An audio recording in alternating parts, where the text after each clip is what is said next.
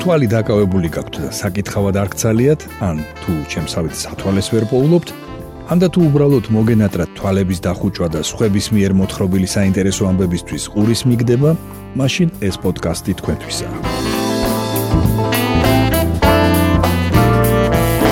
გამარჯობა. თქვენ უსმენთ რადიო თავისუფლების პოდკასტს მოლაპარაკე ტექსტებს. მოლაპარაკე ტექსტებს. მე ბიძინა რამიშვილი გახლავართ. აქ მოქმედი პირები არიან ტექსტები, რომლებსაც რადიო თავისუფლების ვებსაიტზე ვარჩევ თქვენთვის კვირაში ერთხელ და მათ მოსათხრობა ამბებად ვაქცევ ხოლმე.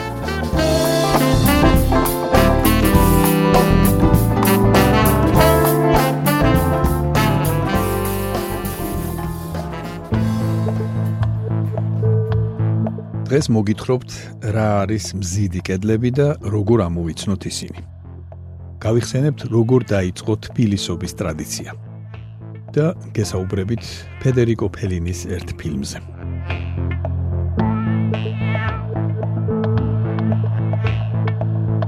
თავაზობთ სანდრო გვინდაძის სტატიას რა არის მზიდი კედლები და როგორ ამოვიცნოთ ისინი. გინახავთ ლეგოს კონსტრუქტორი. თუ კი, მაშინ იოლად მიხვდებით, როგორ შენდებოდა ტიპური корпуსები საბჭოთა კავშირში. დიდი მზა დეტალებით აწყობილ სახლებს ერთი რამ აქვს საერთო. მზიდი კედლების მოშლა კატასტროფით შეიძლება დასრულდეს. ბათუმში 8 ოქტომბერს საბჭოთა დროინდელი საცხოვრებელი სახლის დანგრევას 9 ადამიანი შეეწირა. 15-მდე ოჯახი გარეთ დარჩა. გამოძიების ვერსიით ამავე სახლში ნომერი პირველი ბინის მფლობელმა და ორმა მუშამ მოშალეს როგორც არამზიდი, ასევე მზიდი კედლები. ამან დაარღვია ხრუშჩოვკის ტიპის შენობის სიმტკიცე და მდგრადობა ციტატის დასასრული. რა არის მზიდი კედელი? ბინის მზიდ კედლებს უჭირავთ ზედა სართულის იატაკი, ანუ ამავე ბინის სახურავი და კონსტრუქციის სხვადასხვა ნაწილები. მზიდი კედლის მოშლა იმ ტოტის მოხერხვა, რომელზეც ზიხარ ეუბნება არქიტექტორი ლევან კალანდარიშვილი რადიო თავისუფლებას. ლევან კალანდარიშვილი განმარტავს, რომ ყოველი შენობის უკან მათემატიკური გათვლა დგას. ბათუმში ხუთ სართულიან ხრუშჩოვკას უკვე დაშენებული ჰქონდა ორი სართული. ცხადია ამან გაზარდა ზეწოლა მზით კედლებზე. მისი თქმით, ექსპლუატაციის თითქმის ამოწურულ ვადას დამატებული მიშენებული ორი სართული უკვე უდრის საფრთხეს. ამ ტოლობისთვის მზიდი კედლის გამოკლებას თავისუფლად შეეძლო საფრთხე კატასტროფად ექცია. როგორ ამოვიცნოთ მზიდი კედელი? მეორე მსოფლიო ომის მერე საბჭოთა კავშირში საცხოვრებელი სახლები ისედაც ჭირდა. ამიტომ სტალინის სიკვდილის შემდეგ ცეკას ახალმა მდივანმა ნიკიტა ხრუშჩოვმა იაფი ასაწყობი სახლების ეგრეთ წოდებული ხრუშჩოვკების აშენება დაიწყო. მათ რამდენიმე კვირაში აშენებდნენ დაახლოებით ისე როგორც აწყობენ ლეგოს, დეტალებს აერთებენ ერთმანეთთან. 70-იანი წლებიდან საბჭოთა საქართველოში ეგრეთ წოდებული მოსკოვური პროექტის 7-9 სართული და ეგრეთ წოდებული ჩეხური პროექტის 8-10 სართულის корпуსების მშენებლობა დაიწყეს. სამივე ტიპის შენობაში მზიდი კედლის ამოცნობა მისი სისქით შეიძლება.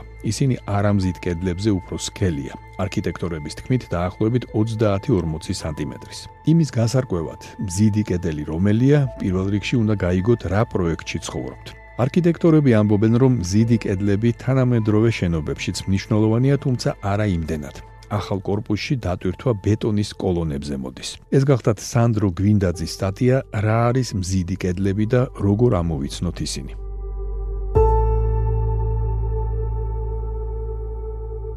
თქვენ უსმენთ პოდკასტს მოლაპარაკე ტექსტებს.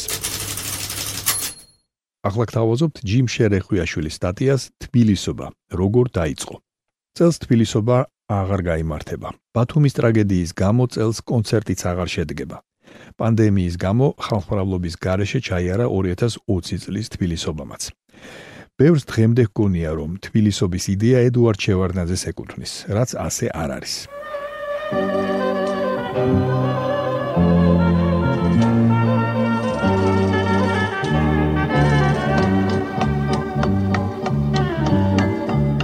თბილისის ყოფილი მერი ნიკო ლეკიშვილი იხსენებს შორეულ 1978 წელს, როცა კონკავშირის თბილისის საქალაქო კომიტეტის პირველი მდივნის თანამდებობაზე მუშაობისას ესწრებოდა თათბირს, სადაც პირველად გაიჟღერა დედაქალაქის დღესასწაულის შემოღების იდეა. სწორედ ამ თათბირზე თქვა ქალაქკომის პირველმა მდივანმა თენგიზ მეთეშაშვილმა, მაშინ მთელ საქართველოში იმართებოდა რაიონული მასშტაბის დღესასწაულები, მცხეთობა, ვაჟაობა და ასე შემდეგ.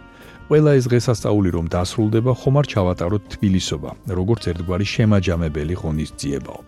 მოიწონეს ეს იდეა და დავალება მისცეს სპეციალისტებს გაკეთებულიყო კონცეფცია. ნიკოლეკიშვილის თქმით, ერთ-ერთი მორიგი თათბირის დროს გაჩნდა იდეა დედაქალაქის საპატიო მოქალაქეების არჩევისა და დაჯილდოების თაობაზე, რაც თავის მხრივ ასევე გულისხმობდა თბილისის სიმბოლიკის შექმნასაც. თბილისობის თარიღად ოქტომბრის ბოლო უქმეები შეირჩა. დედაქალაქმა თავის პირველ დღესასწაულს 1979 წლის 28 ოქტომბერს უმასპინძლა. საქართველოს ყველა კუთხემ თავი მოიყარა ძველ თბილისში, აბანოთუბანსა და რიღეზე. მხარეები წარმოდგენილი იყვნენ თავიანთი ანსამბლებით, სამზარეულოთი, მოწეული მოსავლითა და სახალხო რეწვის ნივთებით. გაცოცხლდა ძველი და თანამედროვე თბილისის ყოფა. თბილისის ისტორიულ უბნებში გამოჩნდნენ ეროვნულ ტანისამოსში, ყარაჩოღელისა და კინტოს ფორმაში გამოწყობილი ადამიანები. აივნებზე გამოიფინა ფარდაგები, მტკვარზე ტივი დაეშვა. ტაქსი შეცვალა ფაეტონმა, გაჩაღდა სოფლიდან ჩამოტანილი სურსათის ყიდვა გაყიდვა. აშიშხინდა მწვადი, მოდუღდა თათარა. ღიაცის ქვეშ სახელდახელოდ მოწყობილ საწნახელში დაიწურა ყურძენი, შეიცვა ღვინო. ითქვა ტრადიციული სადღეგრძელოები და ასე შემდეგ. იცეკვეს სუხიშვილებმა იმღერეს რუსთავის წევრებმა. ასე გაგრძელდა 1989 წლამდე. ბოლო საბჭოთა თბილისობა 1988 წელს გამართა. 1989 წელს თბილისობა არ გამართა 9 აპრილის ტრაგიკული მოვლენების გამო. წყვეტა 1995 წლამდე გაგრძელდა. 1995 წელს თბილისის მერიამ გადაწყვიტა თბილისის 1500 წლის იუბილეზე 1958 წელს აღმართული ქართლის დედის დროებითი ქანდაკების განახლება. ნიკოლეკიშვილი გვიღვება, ციტატა. ქანდაკება სრულიად გაძარცული, გამომპალი და გადახრილი იყო. ელგუჯა, იგულისხმება მოქანდაკე ელგუჯა ამაშუკელი, არელოდა ასეთ მდგომარეობაში თავისი ნამუშევრის ხილვას. ძალიან ინერვიულად თბილისელებმა როგორ გაძარცვეს თბილისის სიმბოლო. ისე ცუდად გახდა რომ საავადმყოფოში დავაწვინეთ. დაუძახე ბიჭებს, დავთქვით, ნუ ვიტყვით ვინ ვართო. სულ 7 კაცმა დადო ფული. ძალაშია ეს დათქმა დღესაც. თბილისელები არიან. ნაწილი ცოცხალი აღარ არის. დამწყები ბიზნესმენები იყვნენ. ზოგმა 50000 დადო, ზოგმა 70000. სულ შევაგროვეთ 350000 დოლარი, რაც დიდი თანხა იყო. საბოლოო ჯამში დავდგით ახალი ქართლის დედა. იმის გამო რომ ქალაქი არც ერთი წუთით არ დარჩენილიყო ძეგლის გარეშე 3 მეტრის მოშორებით გავაკეთეთ ახალი ფუნდამენტი და იქ აღმართეთ. ასე რომ რამდენიმე საათის განმავლობაში ქალაქში ორი ქართლის დედა იდგა. უთხრა ნიკოლეკიშვილმა რადიო თავისუფლებას. თქვენ მოისმინეთ ჯიმ შერეხვიაშვილის სტატია თბილისობა როგორ დაიწყო?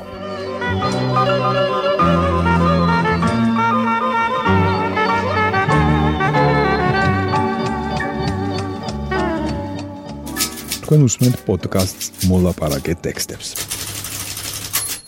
ახლა გთავაზობთ გოგი გვახარიას სტატიას იმედიანი უიმედობა მასში საუბარი არის ფედერიკო ფელინის ფილმზე ორკესტრის რეპეტიცია. Alt! Lei fa solletico a quella corta, la deve tagliare con archetto, seccare! Possibile una trovata a tutti adesso? Voi avete capito cosa siete qui per fare? Parlo a musicisti, spero, no? Voglio sentire suono combatto!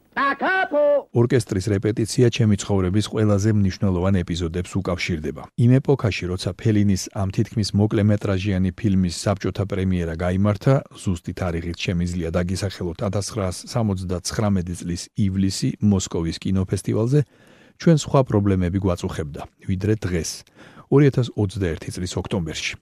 ქვეყანა ზასტოის მწვერვალზე იმყოფებოდა, უკვე ნამდვილ ჭაობში, საიდანაც გამოსავალს ვერც ვერავინ ხედავდა.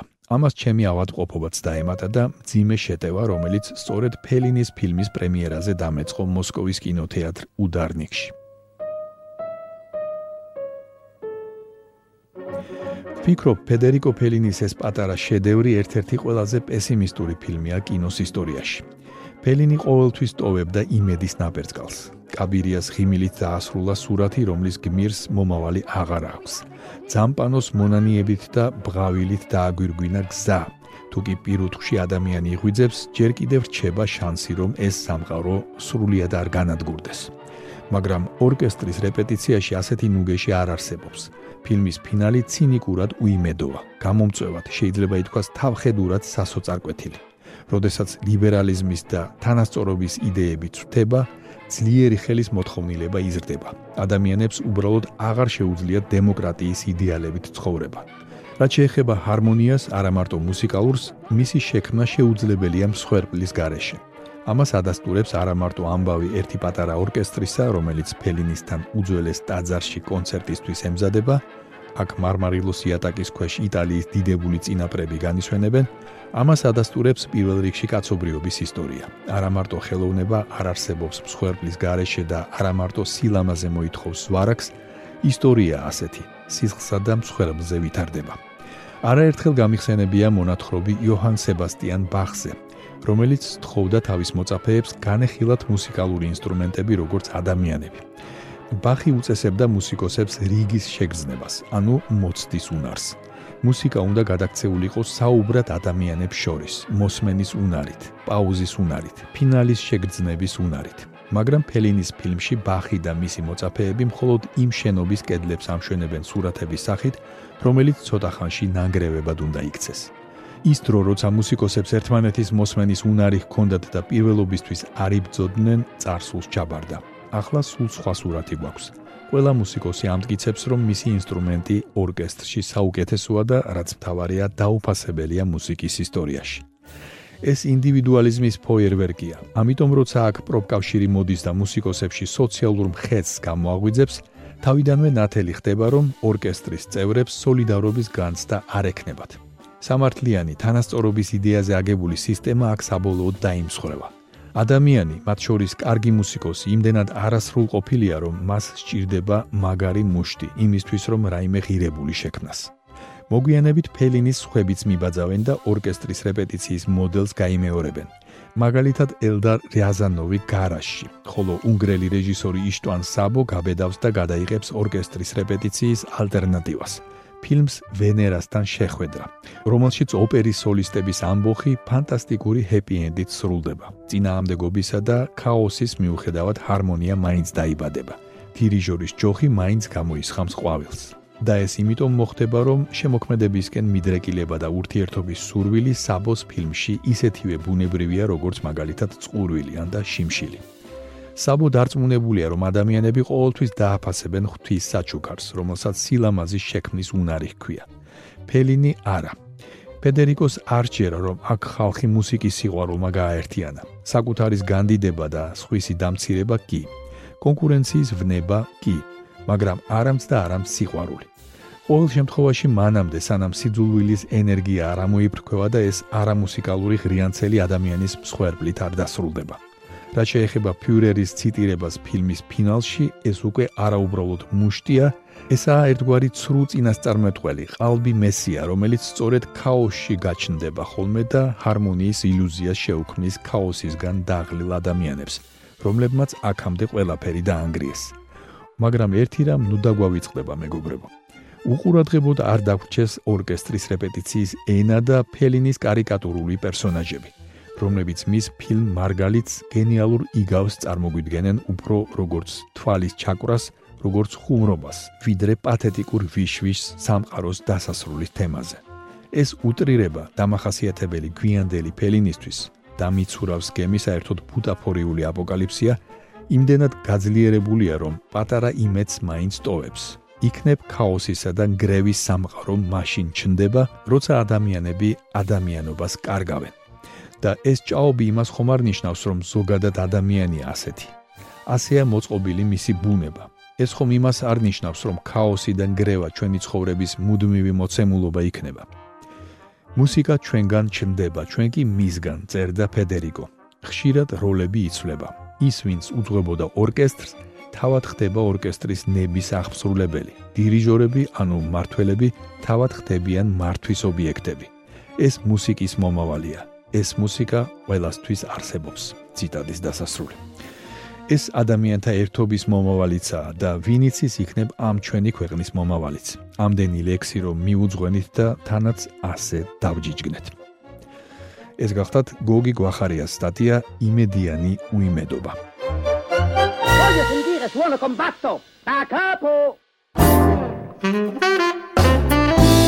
თქვენ მოისმინეთ რადიო თავისუფლების პოდკასტი მოლაპარაკე ტექსტები. მე კვირაში ერთხელ ვარჩევ რადიო თავისუფლების ვებსაიტზე გამოქვეყნებულ ტექსტებს და მათ მოსათხრობამდებად ვაქცევ ხოლმე. ჩვენი პოდკასტი შეგიძლიათ გამოიწეროთ, ჩამოტვირთოთ ან მოისმინოთ პირდაპირ რადიო თავისუფლების ვებსაიტზე. მისი მისამართია რადიო თავისუფლება.ge. თუ ჩემი მიერ მოთხრობილი ტექსტები სრული სახით დაგაინტერესებთ, მათი მოძებნა იულია. ვებსაიტზე, პოდკასტის გვერდზე იპოვით ყოველ ცალკეულ პროგრამაში მოთხრობილი ტექსტების ბმულებს. მე ბიძინა რამიშვილი ვარ. მომავალ შეხვედრამდე.